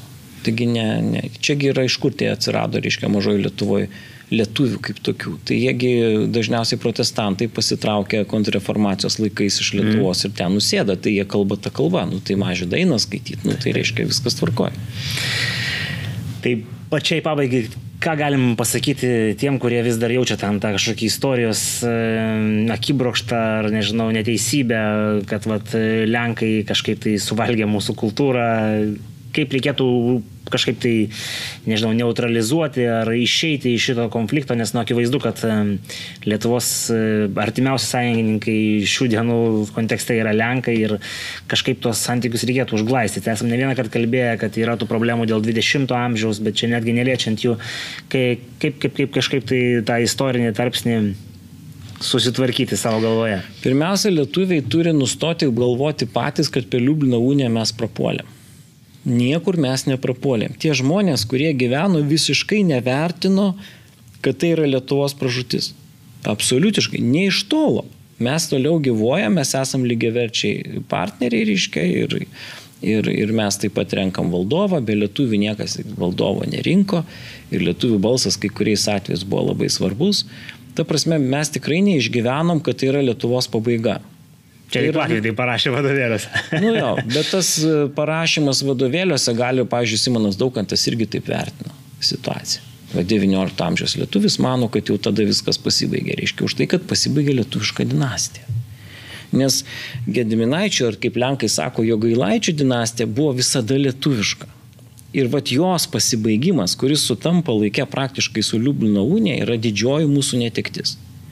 Nes kiekvienas valdovas žinojo, iš kur jisai yra kilęs ir Gedimino giminė ir taip toliau ir taip toliau. Tai, nu, tam tikrą prasme, mes valdėm Lenkiją. Va čia tas buvo labai didelis dalykas, nes mes dabar gyvendami demokratiniai valstybei nesuprantam valdovo reikšmės. Valdovas buvo reikšmingas. Net jeigu jisai vykdomoji valdžioje neturėjo labai daug galių, jis vis tiek buvo labai, labai galingas. Reiškia. Jo vardu visi valdymai, visi žinojo, kad jis visur ant valstybinių įstaigų herbai, reiškia, vėliavose valdovo ten ženklai. Tai, tai vad, kada jisai nustoja būti, bet jis jie nebūdavo Lenkais. Tai čia tik tai ko gero keli valdovai yra, kad, kad buvo Lenkai, šiaip tai buvo ten Fazos ten ar dar kas nors. Nors nėra visai ir skoliniai, Nuzigmantas Vaza per moterišką liniją yra Gedminaičių palikonis. Taigi jo mama yra Žygimant Augusto sesuo.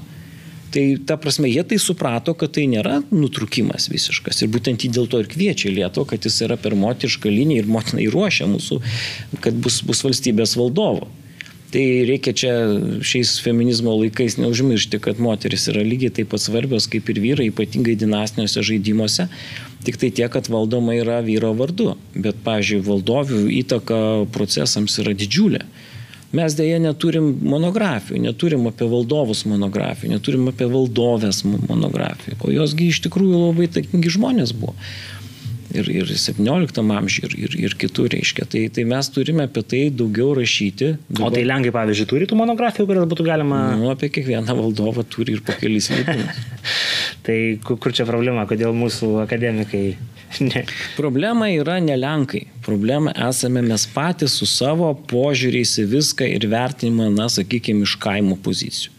Ir nors mes dabar labai jau dideli miestiečiai čia pasidarėm ir visa kita, bet mes vis tiek dar nepriaugam iki savo istorijos. Žodžiu, mužikiškas e, mentalitetas e, čia duoda tą, tą žodžiu rezultatą. Nu, mes provincija viduje, bet mes patys save laikom provincija ir dėl to taip elgiamės, nes valdovas yra tiek lenkų, tiek lietuvių tas pats. Jie yra mūsų valdovai.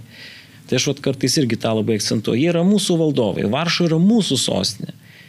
Ir Lenkija yra mūsų kraštas tuo metu. Kaip, lietu, kaip Lenkai dabar, reiškia, žiūri į Lietuvą globaliai ir taip jau kaip ir Lenkijos dalis, mes lygiai taip pat galim globaliai žiūrėti į Lenkiją. Tai yra mūsų kraštas tuo metu buvo, nes mes buvom unijoje, lygiai verčiai. Ir Bet pa... kažkodėl tokį naratyvą vat, Lenkai sugebėjo suformuoti, o pas mus jo ar net žomasgų ne, neatsirado. Mes visą laiką ieškojom gynybinės pozicijos abiejų tautų respublikoje, manydami, kad tokiu būdu mes save apginsim. Aš visą laiką pasisakau, kad jeigu tai buvo jungtinė valstybė, tai reiškia, mūsų sienos eina ties pamariu. Suprantat? Žodžiu, reikėtų išmokti didžiuotis mūsų lietuviškai, lenkiškai istorijos e, dalim. Jeigu Lietuva yra Lenkų, tai Lenkija yra Lietuvos. Ir mes šitoje vietoje, jeigu, pažiūrėjau, pažiūrėt mūsų didikų susirašinėjimus, jie visiškai taip suprato. Nes ten, kur valdo tas pats valdovas, tai yra mūsų kraštas. Ta pati Prūsija buvo valdoma Lenkijos, jinai nebuvo joks užsienis. Ir, pažiūrėjau, žmogus važiuojantis į Klaipėdą, kuri lenkiškai vadinasi, žinot kaip? Ne, pasakykit. Klaipėda. o, 18 amžiui. Taip, vadinasi Klaipėda, ne kaip nors kitaip, reiškia, ne, ne, tai nėra užsienis. Nu, paskui ten po, po Lyvos taikos ten keičiasi tas statusas, jie tampa nepriklausomas kraštas, bet iki to laiko jie yra to paties valdovo valdomas kraštas, turintis tam tikrą autonomiją, nes ten, kaip, kaip žinoma, Leninės kraštas buvo, bet tai nebuvo užsienis. Kaip kuršas nebuvo užsienis. Taip ir čia. Tai yra, nu, tokio vat, kunigaišio valdoma teritorija, bet tai yra vienas toks, e, na, bent jau politinis vienetas, nes jie ne, negalėjo patys turėti ten skirtingų ten priešų ar draugų, negu kad mes buvom. Tai va tas suvokimas abiejų tautų respublikos ne tik tai kaip Lenkija, Lietuva, bet ir kitų jai priklausiusių įvairių teritorijų, jisai labai praplėstų mūsų mąstymą ir tada lietuviai suprastų staiga, kas tai yra unija.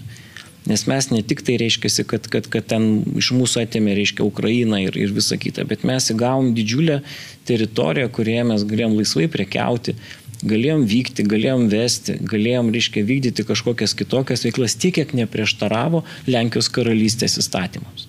Sakiau paskutinis klausimas, bet be klausydamas supratau, kad nu, apie visą šitą kalbant mes turim dar vieną gabalą, kuris visgi buvo istorijos eigoje atskirtas ir, ir va, dabar jame irgi mes turime daug interesų politinių. Kaip Baltarusių, nežinau, teritorijas, istorijos gabalus, kaip mes lietuviai galėtume traktuoti. Nes, nu, vat, žinom tą baltarusių istorikų sektą, ar kaip jie pavadint, kurie mus ten laiko žmudzinais, o, o patys neva yra tie pilanteisiai lietuviai, bet kad, kaip mes galėtume va, tą kraštą suvokti. Ar tai yra dalis mūsų, žodžiu, ar, ar jau tas laikotarpis, kuris įvyko e, vėliau, žodžiu, nukirto mums tą kraštą ir gebėjimą įlaikyti savo, žodžiu, ar, ar lietuvis gali ten, nežinau, kokį laikyti tuos, tas vietovės savo istoriškai artimas. Nu, maždaug Baltarusiją reikėtų žiūrėti taip, kaip kaunėti žiūri šiuliečius. o kaip kaunėti žiūri šiulė, aš kai ne kaunėtis, tai nežinau, jūs papasakokite. Tai yra mūsų šal, šalis, mūsų, nu, tokius biškiai kitoks, arba ten kokie telšiai, ten kažkaip keistai išneka, tai yra mūsų valstybė, nes jūs įsivaizduokit, Baltarusijos teritorija niekaip nebuvo išskirta iki 1900 nu, 39 metų mes neturėjom jokios sienos. Niekada jos nebuvo. Žmonės gyveno, nu, kaip kam papuola, reiškia. Ir dėl to, kaip nors Baltarusiai išvelgti atskirai yra labai sudėtinga.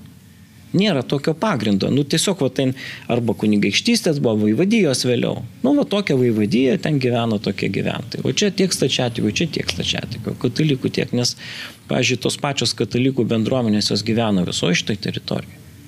Ir ten Vitebskė, ir, ir, ir, ir, ir ten Mogiliovė, visur yra katalikiškų bažnyčių. Ir ten ne, nėra taip, kad tas kraštas kažkaip save labai suvoktų. Tiesiog skiriasi kalba, skiriasi papročiai, skiriasi kažkas, bet tai yra, nu tai įsivaizduoju, kad nuo Mindaugo laikų tos žemės, ar nuo Mindaugo, ar ten nuo, nuo, nuo Gedimino laikų, kaip, kaip kuri teritorija, reiškia, tai yra ta, tas pats kraštas. Ir, nu, nėra jokio skirtumo. Tai tas mūsų vidinis noras demokratizuoti Baltarusiją gal ir kyla iš to supratimo, kad mes čia esam, nu, čia mūsų ir mes turim kažkaip tai juos sutvarkyti. Aš manau, kad mes neturim šito jausmo, mes iš vis turim labai mažai tokio, kaip čia pasakyti, e, istorinės sąmonės turim mažai. Mums labai sunku galvoti daugiau negu šimtas metų. Ir, ir pažiūrėjau, kada su baltarusiais kalbė ir jie panašiai taip turi, reiškia, ir jiem, jiem irgi sunku suprasti tuos dalykus, kad čia kažkaip tai gali būti. Jiem atrodo, kad nu, jeigu ta Lietuva vadinasi, tai kaip čia dabar, tai tie Lietuvai trukdo kažkaip. Nu, ne jie trukdo nei ką. Tai mes buvom vienoji valstybė, kuri visiškai suvokė save viduje kaip vieną kraštą, taip su skirtingom dominuojančiom valstietiškom kultūrom, bet tie miesteliai, nu, ne ką jie ten skiriasi. E, ten gal labiau skiriasi, žinot, dėl tokių gamtinių sąlygų. Nu, pavyzdžiui, ta pietinė LDK, tos muzyriaus tenai, tos, tos pripetės pelkės. Tai toks skurdus regionas, ten, ten mažai tų gyventojų, reiškia, ir jie tokie, nu, ten, tiesiog prastos sąlygos gyventi. Bet jeigu mes pažiūrėsim Polotską, Vitebską, reiškia, čia kur prie Dniepro tie miestai visi stovėjo, nu, tai tai ten vis, visokiojopai Lietuvos pagrindiniai miestai ir jie save ten labai aiškino, Maskvė nuskyrė, čia Lietuva, čia Maskva mūsų siena eina ten, reiškia, ir jie, ir, ir valstiečiai taip masto, visi save lietuviais vadina. Ašgi kariuomenės sąrašas 18 amžiuje žiūrėjau, kaip kas save tituluoja. Tai visi tenai tų, tų kraštų gyventojai save vadina lietuviai.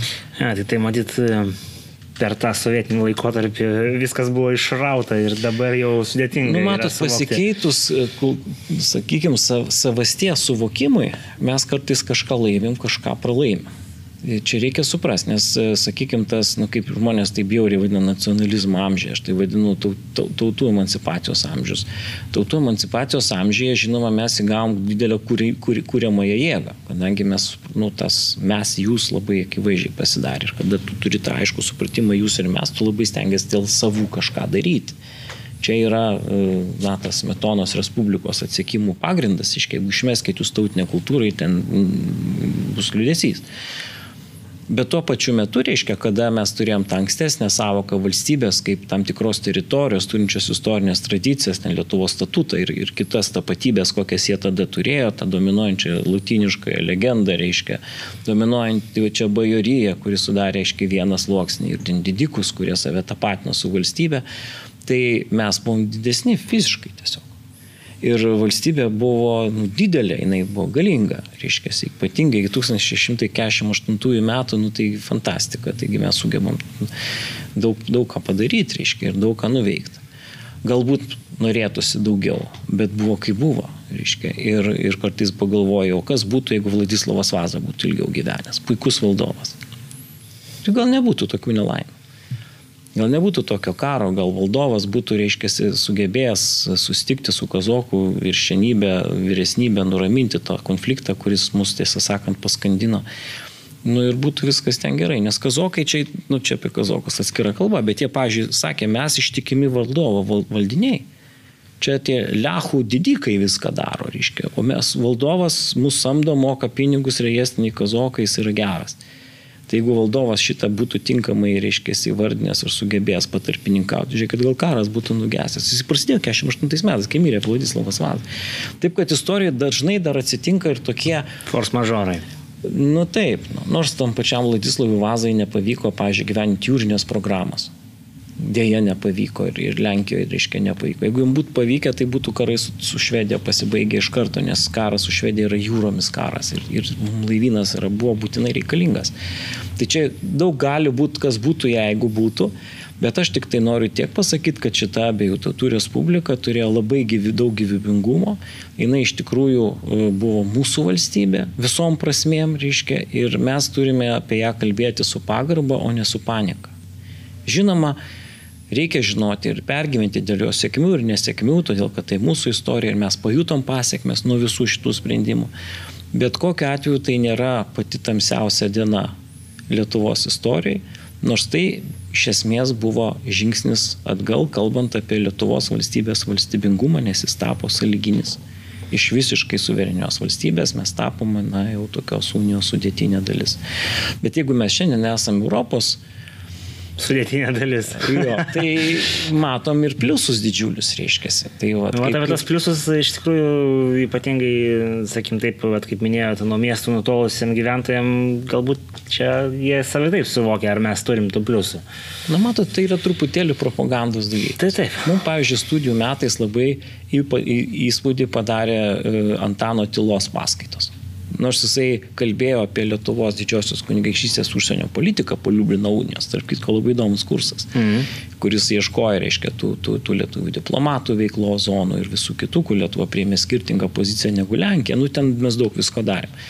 Bet jis visą laiką apie tą laikotarpį kalbėdavo iš tokios, tokios pagarbos pozicijų, Ir jisai paminėdavo daugybę pavyzdžių, kada ta bairija iš tikrųjų pademonstravo ypatingą valstybinę, sakykime, santvarką, nes mes apie juos girdim daug neįjam. Nu, tai jie ten liebuvo, tai jie ten girtuokliai, tai jie tenai vis nesusitardavo, reiškia, bet kiek jie ten nuveikė tokių dalykų, kiek sugebėdavo susiorganizuoti sunkiais laikais, kad ir, pavyzdžiui, tas na, sukilimas prieš švedus, pavyzdžiui, 1655-16 metų žiemą, 56 gal daugiau. Reiškia, tai, nu, tai fantastika, reiškia, kaip žmonės mokesčiais patys apsidėdavo, reiškia, ir patys juos sumokėdavo, kaip ten sugebėjo įvykdyti visokias karinės operacijas, kaip sugebėjo atsispirti ten didesniam priešų skaičiui. Suprantat, jeigu ieškai gėrio, tai ten galėjo. Randi gėrį. Jo, arba ten didikų pozicijos, ten kaip, pavyzdžiui, ten kokie atmanai iš savo pinigų kariuomenė išlaiko, jiem gražina tos pinigus po 15 metų karui pasibaigus. Ne? Tai čia, kai taip pagalvoji, tai... Daugumą tų atmanų jau buvo vėlionis, žodžiu. Tai kaip sako, keista ne tai, kad jie kažko nepriėmė Seime, o keista, kad jie iš vis kažką galėjo priimti, esant tokiai santvarkai. Įsivaizduokit, vienbalsiai nubalsuoti dabartiniam Seime. Tai čia atskiri atvejai, kada tai pavyksta tenai, o ten, reiškia, na, egzistavo suvokimas. Tai, tai mes turime iš visų tų laikotarpių gauti tam, tikro, tam tikros ir naudos ir šiandieniniai demokratiniai santvarkui mes tikrai turime ko didžiuotis, nes ten kokie nors ten daugelis valstybių neturi tokių tradicijų. Ir, pavyzdžiui, mes kartais nežinom, iš kurių laikų pas mus kai kurie reiškiniai yra. Tai tas, sakykime, laisvės troškimas yra iš tų laikų. Nes Lietuvos gyventojai buvo niekada nebuvo tokie laisvi kaip abiejų tautų respublikų puikus, puikus momentas baigti esmė epizodui. Tai dėkui jums valdai, aš e, manau, kad mes, e, kaip sakoma, dar turėsim aspektų, ką paplėtoti, nes čia aš jau matau, kad mes e, pusantros valandos padarėm ir po to gali būti per daug vienam kartui žmonėm.